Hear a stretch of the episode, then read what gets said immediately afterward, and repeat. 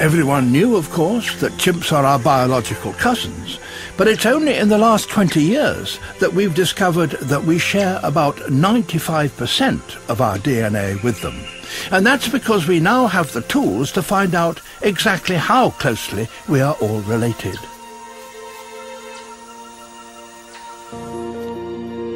In 1990, scientists in 20 labs around the world set out to identify all the 3,000 million separate chemical units that make up the human genetic code.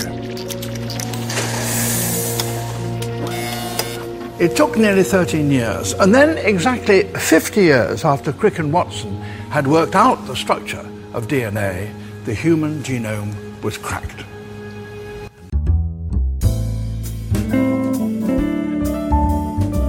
Irfan Kartawirya Saya Harnas, dan ini adalah Random Jumat.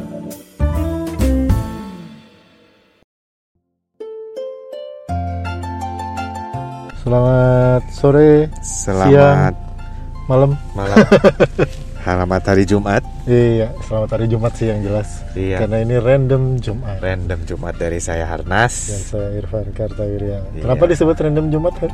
Karena Karena siarannya setiap hari Jumat dan topiknya random. Nah itu. Jadi topiknya yang random, bukan Iya. obrolannya yang random Iya, ya. tahu topiknya yang random ya. Obrolannya juga kadang-kadang random sih. Ke sana kemari gitu. Iya. Gitu. Jadi Tapi eh, topiknya random. topiknya random dan eh, topik random kita yang dipilih secara acak eh, kali ini eh, cukup memusingkan gue untuk memilih openingnya tadi Iya. karena biasanya kan gue gue bikin openingnya dan Iya, apalah openingnya gitu keren waktu ya. Jepang Jepangan ya gampang gitu Iya, kan kan? waktu waktu Korea Koreaan gampang gitu topik hari ini gue pusing Tapi ini berdasarkan request ya. Berdasarkan request by Twitter. Oh, itu ya waktu itu ada yang Nge-tweet. nge-tweet ya terus cerita-cerita akhirnya kesebutlah nama tokoh yang mau kita bahas di episode random Iya. kali ini yaitu eh, Watson and Sherlock. bukan. Bukan, itu Wat- Watson dan bukan Wa- eh, Dr. Watson dan Sherlock Holmes. Bukan, Kita bukan, bukan, tapi membahas- Watson dan Crick, Ya, Ya, alias benar. dua penemu DNA. Nah, ya, dua penemu struktur DNA. struktur DNA atau deoksiribonucleic acid Nah. DNA. nggak usah diapalin nggak apa-apa nanti bisa di replay aja kalau pengen tahu DNA tadi apa oh nggak sekarang soalnya DNA lagi ngetren Van. oh iya Ada yang bilang profesor, ada yang bilang dokter, ada yang macem-macem Oh, semuanya iya. DNA DNA gitu loh. Hmm, hmm, Jadi apa namanya? eh, dulu gue inget waktu acara Indonesia Lawyer, Lawyer Club itu ELC Hmm, yang zaman awal-awal karena Ilyas ngomongin eh, pesawat Sukhoi yang jatuh, inget nggak? waktu Oh, itu? iya, iya, kan ada iya. teman kita Iya, di situ iya, tuh iya. almarhum Oh. Kapten Gatot. Nah mereka ngadain diskusi acara Hmm, itu. Terus ada satu pengacara angkat tangan saya mau nanya, mau nanya Pak Karni Hmm. Terus Pak Karninya bilang sama dia, eh kamu ngomong dulu satu feet itu berapa meter kalau nggak tahu nggak usah ngomong. Pengacara aja, Hmm. sok tahu katanya. Karena kan kalau pesawat terbang pakai feetnya. Hmm. Nah kalau ada yang ngomong tentang DNA, DNA, DNA tuh saya profesor, saya dokter, saya tahu Hmm. saya punya obat covid. Ditanya aja AGTC singkatan apa? kalau nggak tahu nggak usah jawab gitu. Sama kayak Karni Ilyas itu. AGTC apa Pak? kalau nggak bisa jawab nggak usah gitu. DNA itu apa pak gitu. Kalau AGTC aja nggak tahu apalagi Oh, Mas? iya makanya ya padahal padahal eh, memang eh, paling gampang untuk dalam tanda kutip mem- me- apa ya mengimpresi eh, Hmm. atau memberikan kesan ilmiah itu adalah dengan melontarkan jargon-jargon ilmiah gitu Iya betul. orang bisa dengan cepat percaya kan kalau lu capable of uh, scientific capability lu tinggi kalau lu setiap ngomong tuh selalu melontarkan Nah itu itu ada satu poin mau ngomong, terminologi terminologi Iya, ilmiah itu gitu. saya gue mau ngomong tapi nanti aja belakang. Karena itu masalah penting gitu. Nah, itu makanya. dan salah satu terminologi ilmiah yang lumayan sering nih di hari-hari kayak gini di zaman-zaman pandemik gini adalah tentang DNA ini Iya. Tuh. Kita mau bahas dari mana nih sih Pak D Watson dan dan Watson dan Crick. Crick ini Watson dan Crick.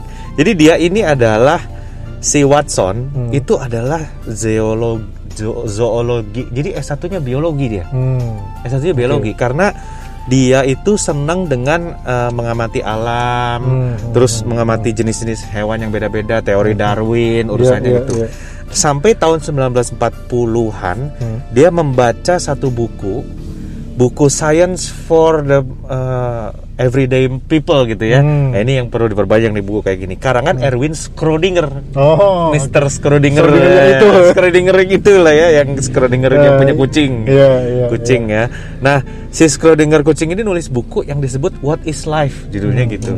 Di dalam buku itu dia bilang bahwa harusnya nih kalau ngelihat ya bapaknya mukanya begitu, Hmm. anaknya mukanya mirip, Hmm. campuran bapak sama emaknya kan gitu Hmm, kan. hmm, Terus punya anak lagi mirip campuran. Iya, iya. Berarti ada informasi yang diturunkan dari generasi satu ke generasi berikutnya Oke. itu informasi pasti dalam bentuk molekul dia bilang Hmm, gitu hmm, hmm. dan pasti ada di dalam sel dia bilang gitu Iya, iya. ya kita coba harus cari molekulnya nih apa nah rupanya buku itu dibaca oleh si Watson Hmm. dan dia akhirnya gue bilang S1 nya gue biologi S2 nya gue mau ambil genetika Oh, Wah, langsung karena oke. zaman itu genetika itu masih gaya Mendel yang ngawin-ngawinin Iya, iya, lalat iya, buah iya. gitu Lalat Gua buah mau- sama ini ya, sama kacang nanti- kapri ya? Iya, berikutnya kita bahas Van gimana caranya ngawinin lalat, lalat buah tahun 1862. Soalnya gue pernah coba di lab gue ya ngawinin lalat buah tidak berhasil. ya mungkin lu Orang tuanya nggak setuju.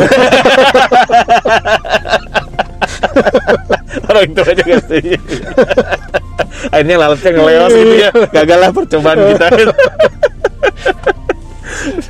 nah, itu waktu itu kan masih is a very uh, tedious work karena harus Iya, ngawin-ngawinin, iya. lihat Iya. anaknya, kawin Iya. lagi gitu. Nah, ini dia membuat itu secara molekuler. Jadi di situ dia mulai tertarik dengan genetika, Van. Hmm, hmm. Mulai dia belajar genetika gitu. Iya, itu genetika adalah ilmu tentang gen ya. Jadi Iya. eh, dulu kalau kalau Men- Mendelian itu kan kita ya semua petani tahu lah gitu ya kalau eh, tanaman A sama tanaman B disilangin hasilnya nanti kita berharap yang terbaik dari keduanya gitu sifat keduanya yang terbaik misalnya pohonnya tahan hama yang satu disilangkan dengan pohon yang buahnya manis gitu Iya. Nah, itu.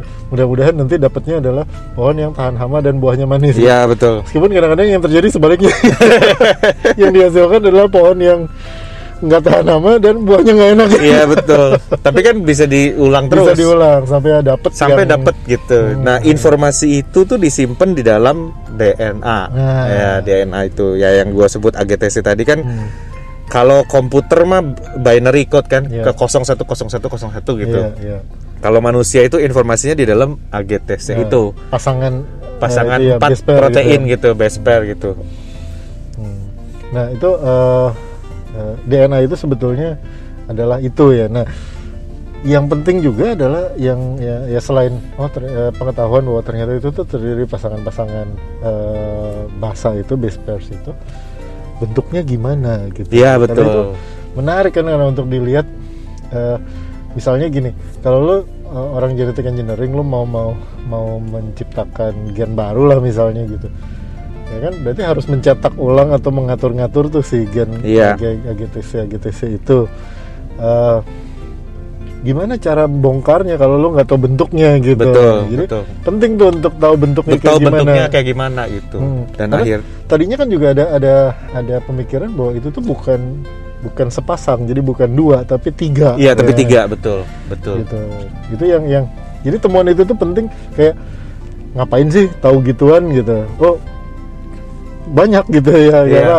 kayak turunannya itu banyak gitu Mm-mm. kayak kalau lo tahu ternyata itu sepasang kan misahinnya ya cukup kiri sama kanan Iya, kalau betul. tiga kan Harus lebih repot lagi ya, gitu betul betul. jadi kayak gitu Iya dan dan si waktu itu pertanyaannya adalah ini kan orang kimia-kimia nih semua Mhm. ya kimia analitik. Jadi waktu itu bagaimana eh, informasi ini disimpan dan di di eh, di dijalanin gitu. Sama kayak Mhm. kalau kita kan misalnya punya apa handphone Hmm. disimpan dalam bentuk memori kan. Hmm. Memori itu kan binary code 0101 yang ditoreh ke atas satu disk Mhm. yang isi bahannya dari silikon gitu. Iya. Tek, tek, tek, tek, gitu.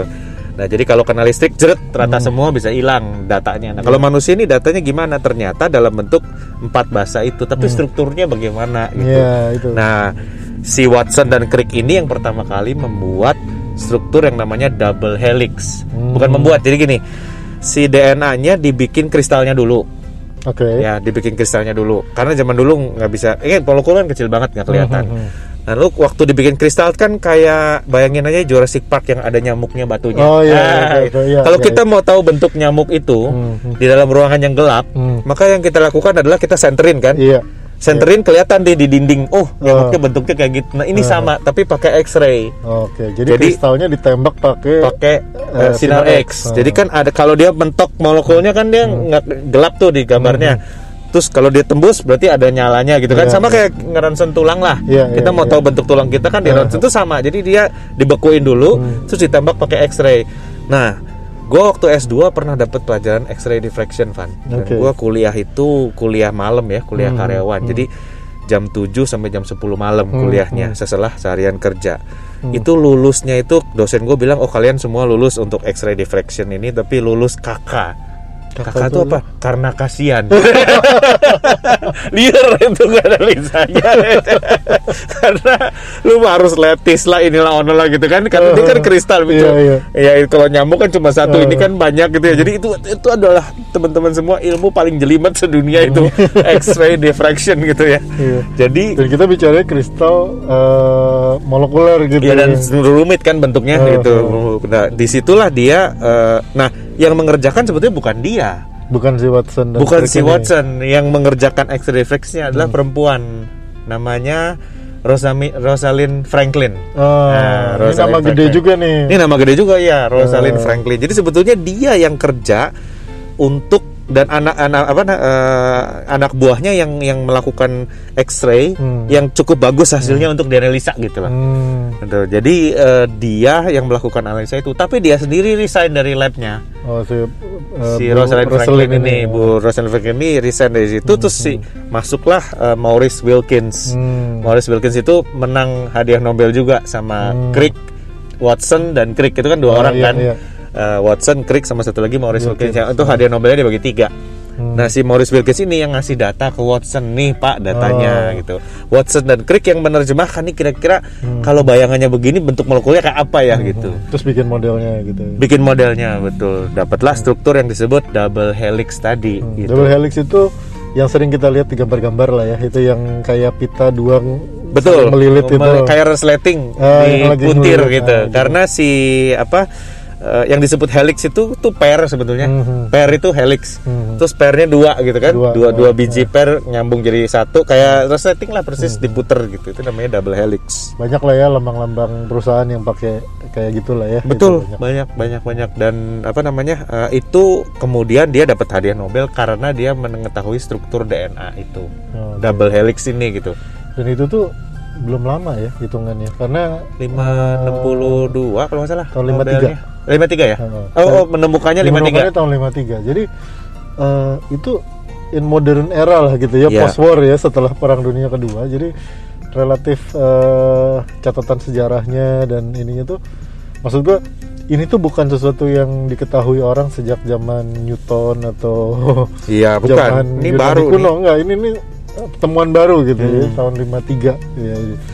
Eh, ya relatif relatif baru gitu gue kalau cerita sama mahasiswa gue DNA itu ditemukannya oh mereka pasti wah udah lama banget sir gini gini gini Nggak baru. nggak itu baru tuh tahun 53 Iya. terus kata mereka itu sudah lama sir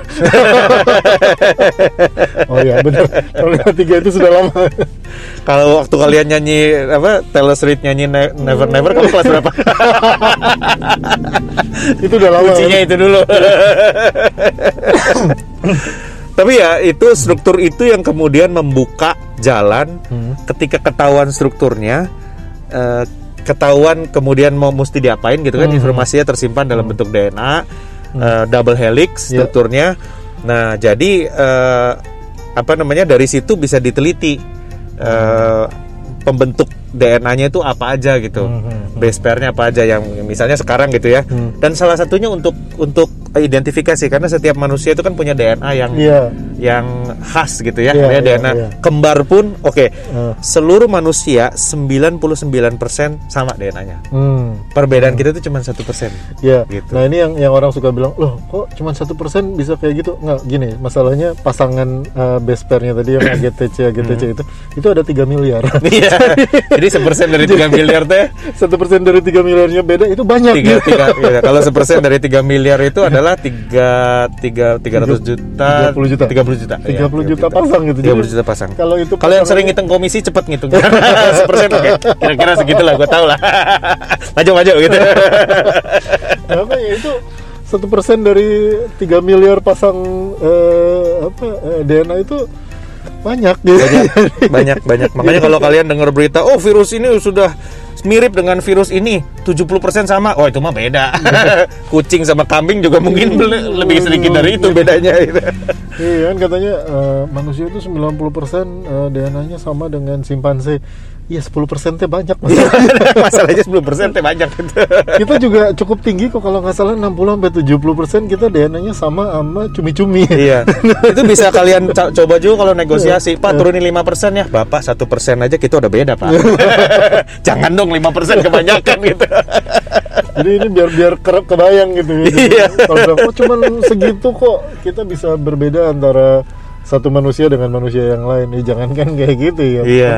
Kita bicara skalanya skala 3 miliar gitu. Iya betul betul. Tapi itu yang men- pasti setiap makhluk hidup ada perbedaannya. Hmm. Itu yang membuat dia dipakai untuk identifikasi. Misalnya, Iya, iya. eh, gua mau gua misalnya eh, ada darah gitu kan. Mhm. Ini darahnya darah siapa nih yang membunuh gitu. Mhm. Atau eh, di di tempat Kecelakaan kejadian misalnya. itu ah kecelakaan atau eh, apa namanya eh, jenazahnya udah nggak ada habis Mhm. tapi ada sisanya sedikit diambil DNA-nya kita bisa tahu oh itu siapa gitu. Mhm. Itu bisa dilakukan pernah dilakukan contohnya oleh lembaga biologi molekuler Ekman Ekman. Oh iya. dalam menyelidiki bom bom sorry kuningan bom, kuningan, Karena Merit bom, ya, merit. Apa Bom Merit. bom meret betul Oh. bom karena waktu itu dia dapetin DNA-nya Hmm. terus dapetin DNA ibunya nah Ya. tinggal tahu bapaknya tahu rumahnya di mana gitu kan Oh, hebat gitu. padahal orangnya Iya. udah nggak ada udah hilang Iya, gitu iya, iya. jadi itu termasuk untuk identifikasi virus Hmm. yang disebut PCR test Iya, iya. nah dia Dan- bukan DNA sih, dia RNA, tapi mirip-mirip lah kira-kira. mirip-mirip, tapi Eh. eh, apa namanya dia kan PCR itu polymerase chain, Chain reaction, reaction, ya. karena dia ada polimer sebetulnya Hmm. DNA itu jadi si polimer itu diperbanyak gitu Ya, terus jadi kita dibaca gitu. dibaca kita bisa tahu di badan kita ada DN RNA-nya virus ini apa enggak ada gitu Hmm, Ya, DNA sama RNA untuk keperluan podcast ini kita sebut saja dia mirip-mirip. mirip-mirip Nanti yang, biologi molekuler beneran terus bilang ya beda lah pak. Iya saya kita tahu. tenang tenang. kira-kira NA NA juga lah sama kayak Citibank NA tenang teman-teman tenang. Kita Tenang, tenang. kita, kita aware kok. iya iya untuk keperluan ini aja apa kadang-kadang untuk untuk apa eh, communicating science itu kita perlu mengorbankan beberapa akurasi Iya betul. Tapi kalau si Erwin Schrödinger nggak membuat, kan lo tahu Erwin Schrödinger itu Hmm. Iya, ribetnya iya. kayak apa. Hmm. Bahkan waktu dia bikin kuliah tentang Oh, so, bikin seminar mengenai Hmm. what is life itu yang si Watson datang. Jadi dia bukan cuma beli bukunya nih. Waktu si Schrödinger Oh, dia datang, fan- dia fan- datang. fanboy dia, fanboy, fanboy. fanboy, dia datang. Ada pe- apa namanya peringatan di di posternya yaitu Hmm. Schrödinger tidak akan ngomong soal matematik katanya. Soalnya kalau dia ngomong matematik semua orang pulang kan dia mau datang. Jadi he will not speak about mathematics katanya. iya. Oke, ini cuman konsep aja dia Iya, bilang. iya, iya. Muncullah konsep mengenai eh, itu, Itu, informasi itu. life itu, Eh, itu iya. buku itu merubah hidupnya si Watson sampai dia bisa menang Nobel menebak struktur DNA gitu. itu gue gue sering ceritain tuh ya ke ke mahasiswa gue tentang hari di mana uh, uh, Watson dan Crick dalam tanda kutip menemukan. Ini nanti kita akan bahas ya kenapa kok selalu menemukannya itu pakai tanda kutip gitu. Iya. Uh, menemukan struktur DNA double helix itu. Jadi di Cambridge itu ada sebuah pub. Ini gue selalu me- merekomendasikannya kalau Hmm. kalau uh, kalian jalan-jalan gitu ke Eropa itu datangilah uh, tempat-tempat bersejarah itulah gitu. Iya, betul Kayak betul betul. Salah satu tempat bersejarah yang yang perlu didatangi adalah ke sebuah pub yang namanya Eagles Pub Eagles Pub betul. di Cambridge. Nah ini kenapa? Jadi kita mungkin sering dengar ceritanya Archimedes ya. Iya. Ar- Archimedes. Nah, Archimedes ini kan ceritanya dia disuruh ngukur emas. Terus eh, rajanya bilang, "Ini mahkota saya terbuat dari emas yang saya kasih ke tukang eh, mahkotanya apa bukan?" gitu. Eh, terus dia kan mikir-mikir gimana caranya. Terus dia berendam kan di di bathtub terus airnya tumpah terus dia mikir, "Oke, kalau berarti kalau tumpahannya sama density-nya dan lain-lain, maka kita bisa hitung emasnya berapa, jadi mahkota berapa gitu." Iya. Terus kemudian dia lari keluar ke jalan dan Eureka. dan dia meneriakan Eureka dalam keadaan tidak pakai baju karena Iya. habis mandi kan betul. gitu.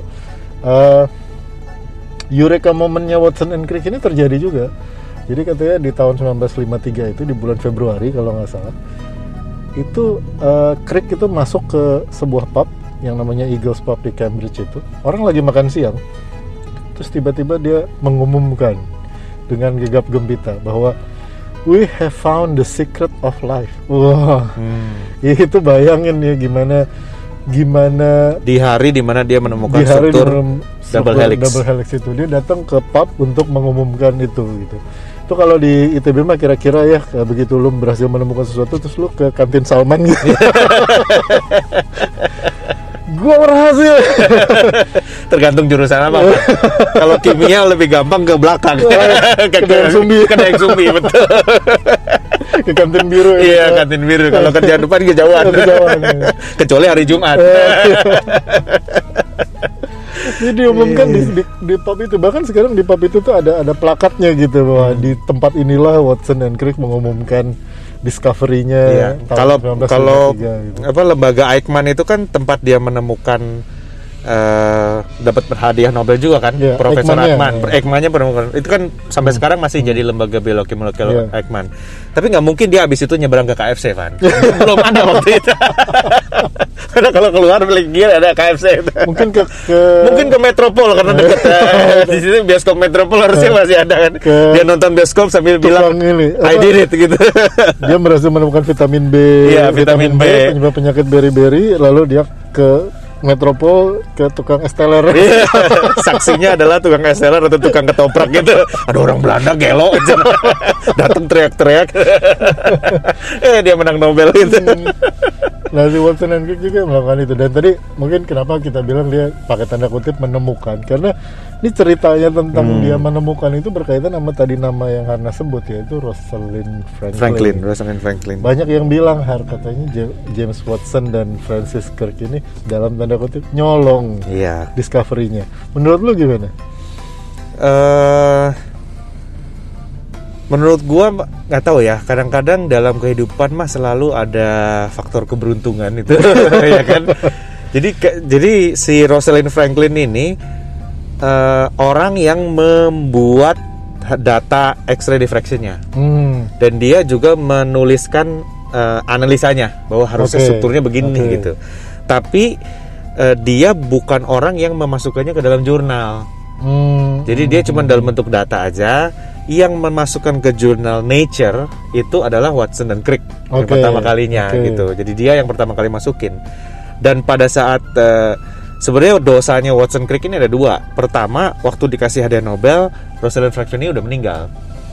Oke. Ya. Tapi dia katanya ya di artinya bukan disalahkan lah ya, artinya di di kurang elok lah Hmm. karena tidak menyebut nama Rosalind Franklin ini di Oh, papernya gitu. Dan di pengumuman Nobelnya juga nama Rosalind Franklin nggak disebut padahal yang dilakukan oleh Watson dan Crick sebenarnya cuma menerjemahkan data. Yang bikin datanya siapa? nah Rosalind itu nggak disebutkan Nah, gitu. iya.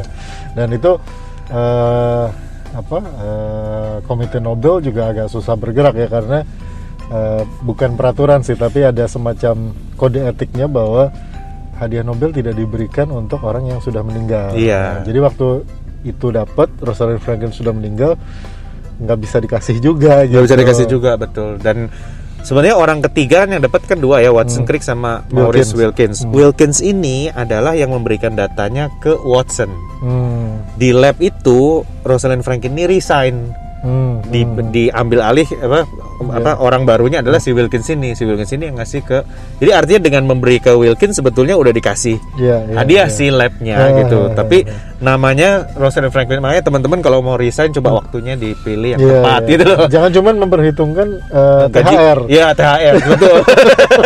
Perhitungan juga kira-kira lab ini bakal dapat Nobel apa enggak? Iya, dan perhitungan juga jangan jangan THR doang gitu nanti THR dapat Nobelnya hilang. Ingat ya Nobel tuh bulan apa sih? Bulan kemarin. Bulan kemarin ya ya Juni ya. Juli kalau Juni Juli ya. Berarti ya nggak terlalu jauh lah THR.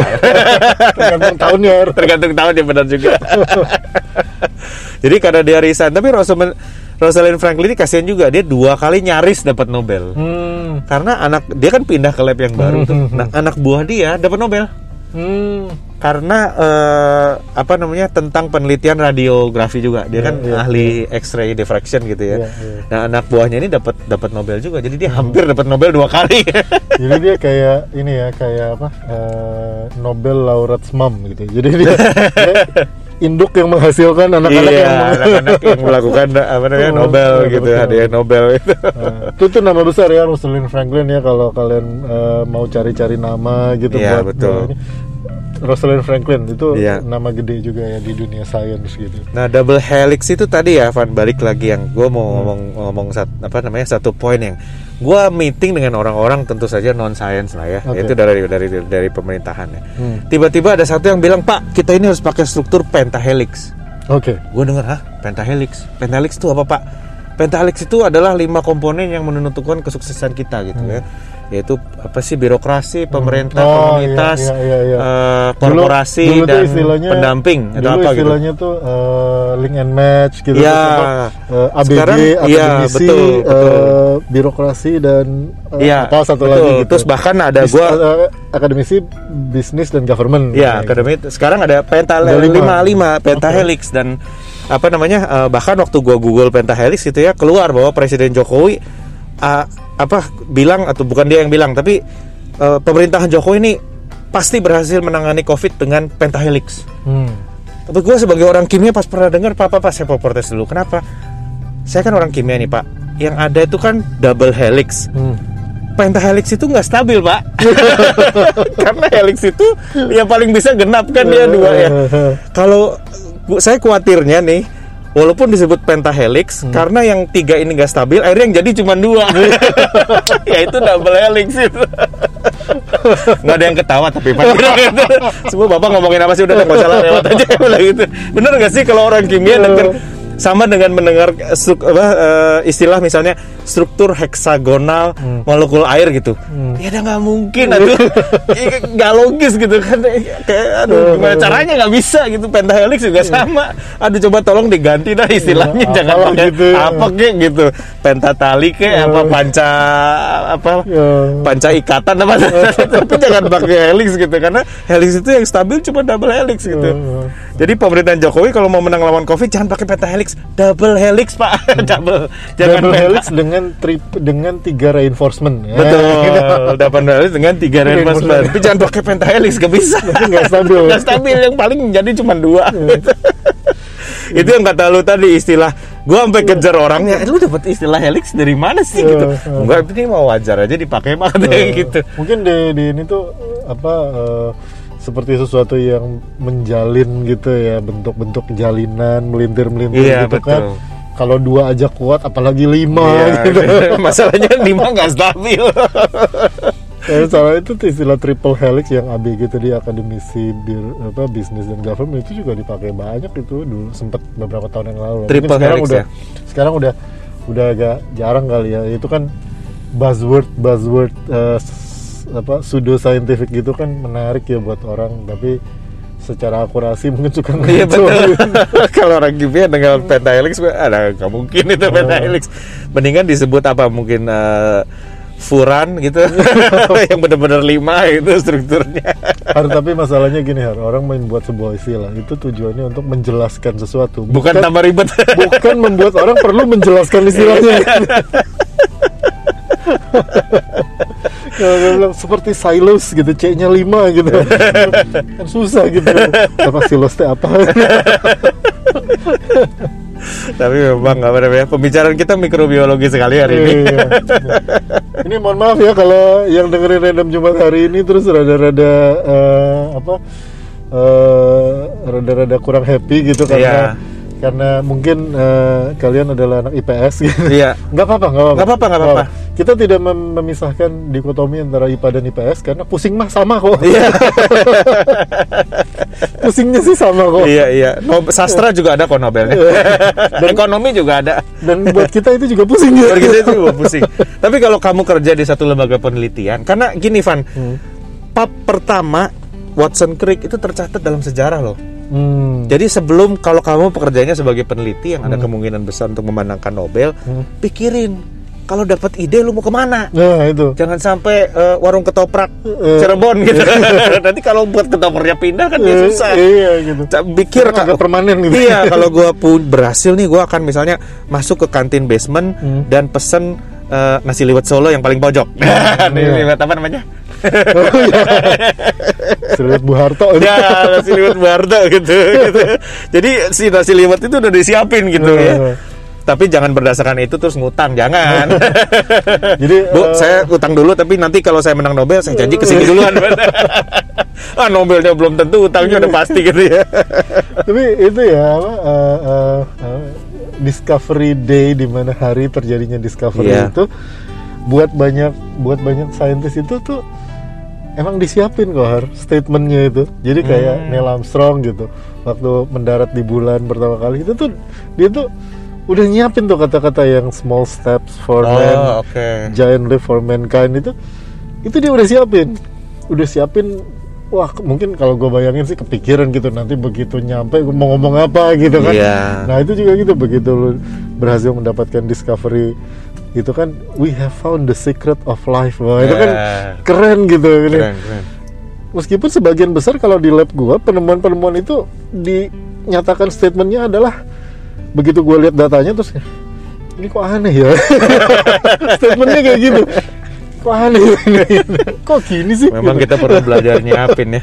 Nah, Bayangin nyiapin astronot gitu. pertama di Indonesia eh, dari Indonesia mendarat di bulan. Begitu menjejakan pertama kan direkam semua kan. Iya, tuh. Anjir gening kieu euy. di Wikipedia tertulis maka perkataan beliau adalah anjir gening kieu euy. Aduh. kan kamu udah disiapin skrip aduh lupa Pak.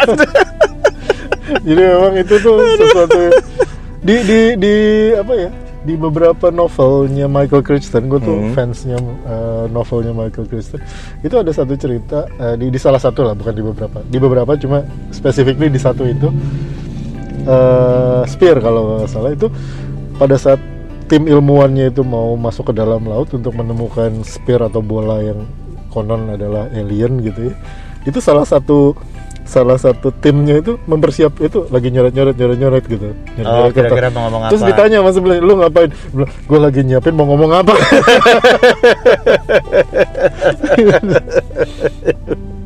Eh, ya temuan-temuan besar memang perlu di perlu dipersiapkan. di deliver dengan menarik Elegan. gitu elegan gitu gitu nah ini Watson dan Crick yang kita bahas kali ini eh, mereka memang hi- high caliber scientist ya memang Iya, betul. mereka bukan bukan dalam tanda kutip memanfaatkan hasil karyanya Rosalind Franklin saja tapi itu tuh perlu sebuah keilmuan yang cukup tinggi juga gitu Betul kan. betul betul. Nah ini eh, apa eh, mereka mereka tuh berhasil menemukan itu dan menginterpretasi datanya. Ini memang high caliber scientist juga gitu. Iya iya. Dan itu apa eh, mereka juga sering kerja di di pub itu kan terus tulis betul. segala macam. Jadi temuan-temuannya memang temuan yang yang valid lah secara Iya. ilmiah dan dan kuat gitu bukan asal-asal gitu. Iya, Meskipun betul, ya betul. kayak yang kita tahu dari ceritanya Watson dan Crick ini nggak ada temuan yang berdiri sendiri pasti depannya Pasti ada ada, rangkaian iya, rangkaian betul. penemuan sebelumnya yang bikin Betul. puncaknya ada di situ Betul betul betul. Oke, mudah-mudahan yang request tema Watson Crick nggak menyesal sekarang. ini eh, apa eh, temanya memang rada-rada eh, gitulah ya gitu Iya, siap. rada-rada kita lah gitu jadi Oke. Kalau ada eh, pertanyaan-pertanyaan tentang Ya, DNA dan lain-lain, pertanyaan Twitter. tentang Watson and Crick silakan ke Twitter @irfankarta atau at Isarnas. Sarnas jangan susah-susah karena kalau bisa kita jawab insya Allah kita jawab kalau nggak bisa kita pura-pura nggak baca aja gitu Oh maaf, admin saya belum sih masih sibuk gitu. jadi kalau ada yang tanya oh, saya udah saya saya udah mention tapi nggak pernah dijawab oh mention pura-pura aja kita Pura-pura aja. pura-pura nggak baca gitu gampang aja hidup malah Iyalah. oke kita ketemu Oke, di terima kasih sudah mendengarkan. Kita ketemu di random Random Jumat Jumat berikutnya. berikutnya masih bersama saya Irfan Kalteria Dan saya Harnas. mungkin nanti ada Nobel Prize atas nama Irfan Harnas ya. kita nggak tahu seperti Watson and Crick bye Bye.